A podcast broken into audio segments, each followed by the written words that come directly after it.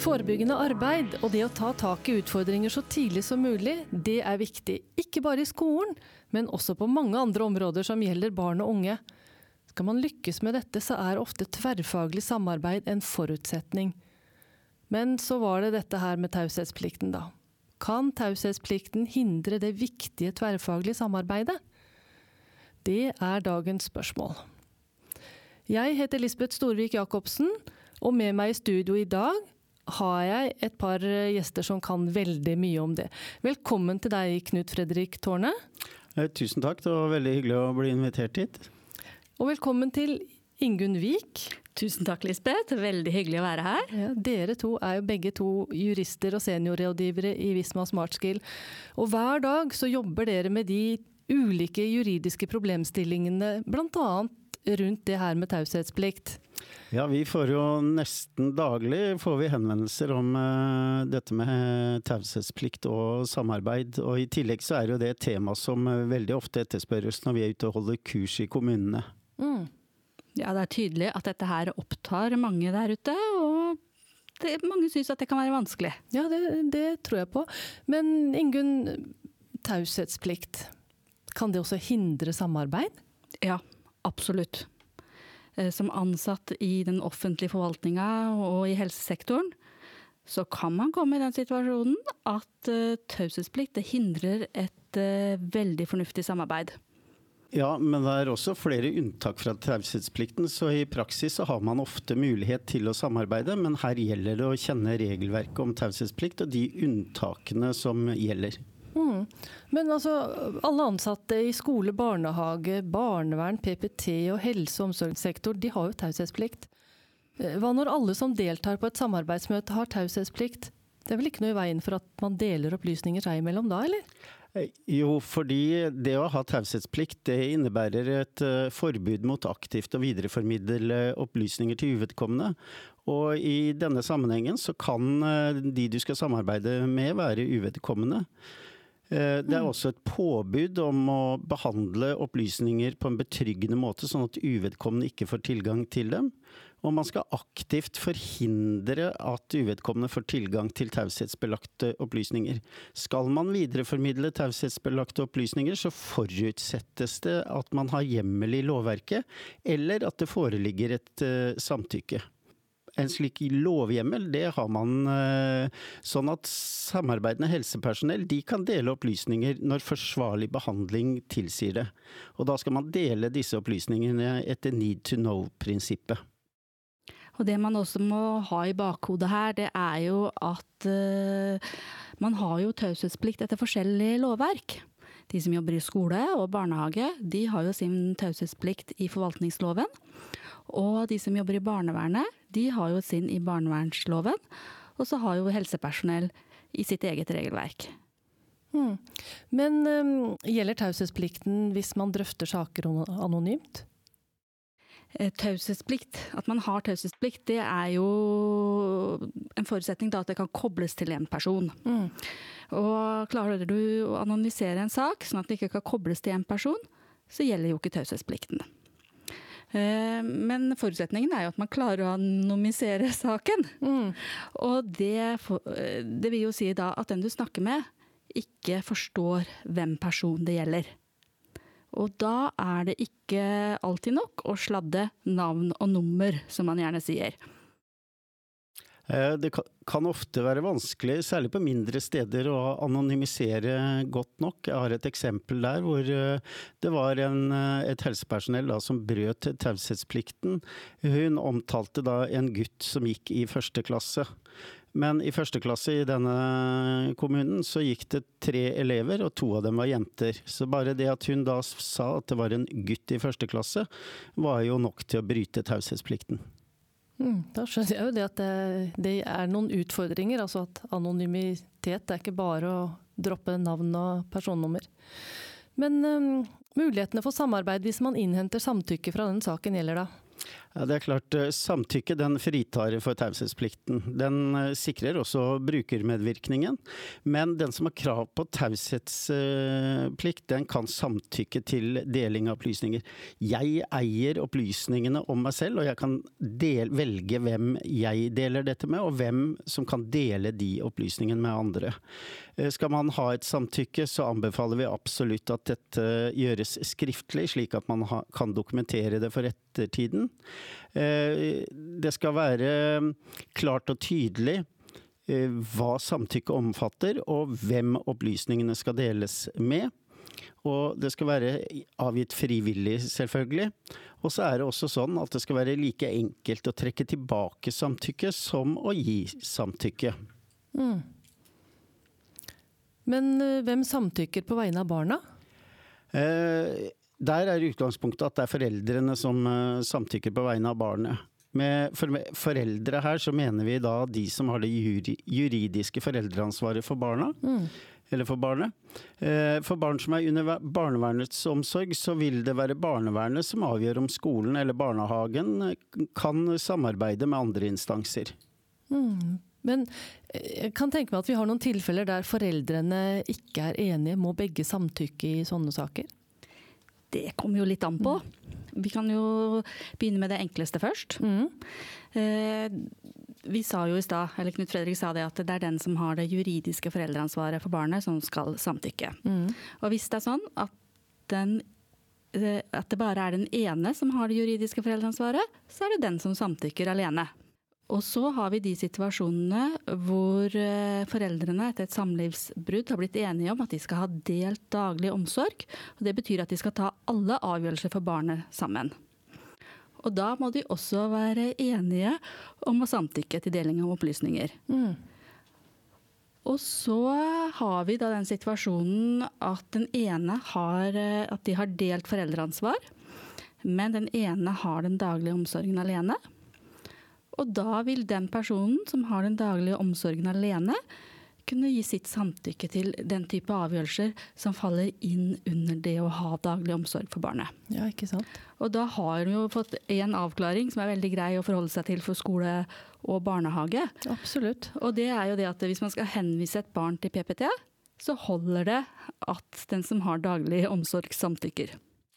Ja, Men samtidig så kan det være noen tilfeller som man ser på som så alvorlige at eh, begge foreldrene må involveres, og at man må ha samtykke fra begge foreldrene. Hmm. Men barnet, er det, i hvilke tilfeller kan barnet samtykke selv? Eh, når det gjelder eh, det helsespørsmålene og det helserettslige, så er det sånn at den helserettslige myndighetsalder den er 16 år. Her er det viktig at man husker på at en del av eh, elevene i 10. trinn de fyller gjerne 16 år i løpet av skoleåret. Og eh, fra det tidspunktet de har fylt 16 år, så kan man ikke lenger bygge på det samtykket foreldrene nødvendigvis har gitt da på et tidligere tidspunkt. Da må man innhente samtykke fra 16-åringen. Ja, riktig. Men det var den helserettslige. Du har noen andre ja, da, aldersgrenser òg, sikkert? Vi har noen andre òg. Ellers er jo hovedregelen at aldersgrensen er 18 år. Ja. Men eh, så har vi også det at ungdom over 15 år de avgjør sjøl i spørsmål om utdanning. Og da særlig det som går på valg av utdanning. Og det innebærer da at eh, en 15-åring kan samtykke til deling av nødvendige opplysninger når man søker videregående skole. Mm. Hvis det er noen nødvendige opplysninger der som eh, den skolen vedkommende ønsker å gå på trenger, så kan 15-åringen sjøl samtykke i det. Riktig. Men hvis man, man kan jo kanskje tenke seg at det kan være noen saker som ungdommen selv eller foresatte ikke ønsker å gi samtykke. Hva gjør man da? Ja, Det er jo noe som eh, forekommer, ikke så, ikke så rent sjeldent. Eh, men hvis man ikke får samtykke og anonyme drøftinger ikke er hensiktsmessig, da må man jo se om det er hjemmel for om opplysningene allikevel kan deles. Ja, og da, for de som har taushetsplikten sin regulert i forvaltningsloven, så er det jo da viktig å være klar over det at uh, opplysninger i utgangspunktet da kan brukes for å oppnå de formål som det er innhentet for. Og det vil jo da si at man kan eh, i en sak om eh, f.eks. spesialundervisning, så kan man samarbeide med PPT om oppfølgingen av spesialundervisningen uten at det innhenter samtykke ved hvert enkelt tilfelle. Men henvisningen krever jo samtykke på forhånd. Det er riktig. Ja.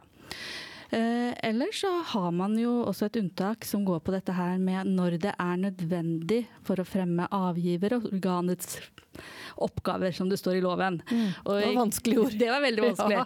Så det betyr jo at eh, skolen kan eh, dele opplysninger når det er nødvendig for å fremme skolens oppgaver. Barnevernstjenesten har en tilsvarende mulighet når det er nødvendig for å fremme barnevernets oppgaver, osv. for Gjelder også for barnehagen, da, selvfølgelig. Mm. Uh, og det, hvis vi tar utgangspunkt i skolen, så har jo skolen da flere lovpålagte oppgaver, for det er det vi snakker om her. Mm. F.eks. du skal sørge for at elevene har et trygt og godt skolemiljø. Du skal gi eleven opplæringen som vedkommende har krav på etter opplæringsloven. Og du har også en meldeplikt i barnevernet. Mm. Og der, særlig når det gjelder den meldeplikten til barnevernet, der har jo Sivilombudsmannen vært ute og sagt noen kloke ord. Ja. Ja, så det tenkte jeg jeg skulle fortelle dere om. ja, det er spennende å høre om. Ja, eh, Det var en sak eh, hvor eh, en skole lurte på om de hadde grunn til å være bekymra for et barn. Om de således da ville ha plikt til å melde dette barnet omsorgssituasjonen til barnevernet. Men de hadde ikke nok opplysninger alene. Og de ville gjerne drøfte dette her med helsesykepleieren som var tilknytta skolen. Mm. Og det gjorde de jo, jo da, for å, og tok opp saken med denne helsesykepleieren. Og foreldrene klaga i ettertid og sa at det var brudd på taushetsplikten. Og Sivilombudsmannen sa at det var det ikke, for i dette tilfellet så var det nødvendig for skolen å drøfte dette med helsesykepleieren før de sendte bekymringsmeldinga. Ja, ikke sant. Men det de gjorde etterpå, så tok de og informerte helsesykepleieren om at de hadde sendt melding. Og det skulle de ikke ha gjort? Det skulle de ikke ha gjort. Det var ikke nødvendig for å oppfylle skolens plikter. Så sånn eh, endte den saken. Ja, Knut Fredrik, har du noe å tilføye her? Jeg øh, har for så vidt det, fordi jeg har vært borti en, et tilfelle hvor, hvor en av foreldrene nektet å samtykke.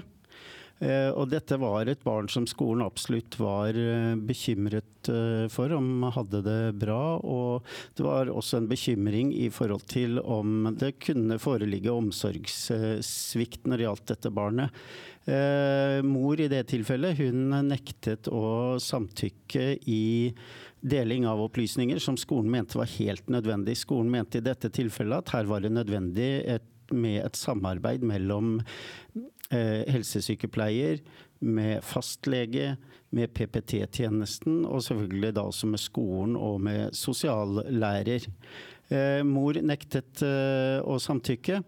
Og mitt råd til skolen var da at her må jo dere tenke dere om. Dere må ta en ny samtale med mor og si at eh, det at hun ikke samtykker til at dere skal gjøre det som dere mener ut fra et faglig ståsted er helt nødvendig for å ivareta dette barnet, det gjør at dere får en bekymring, og at dere kanskje må melde fra til barnevernet om dette. Saken løste seg da ved at mor eh, umiddelbart eh, samtykket.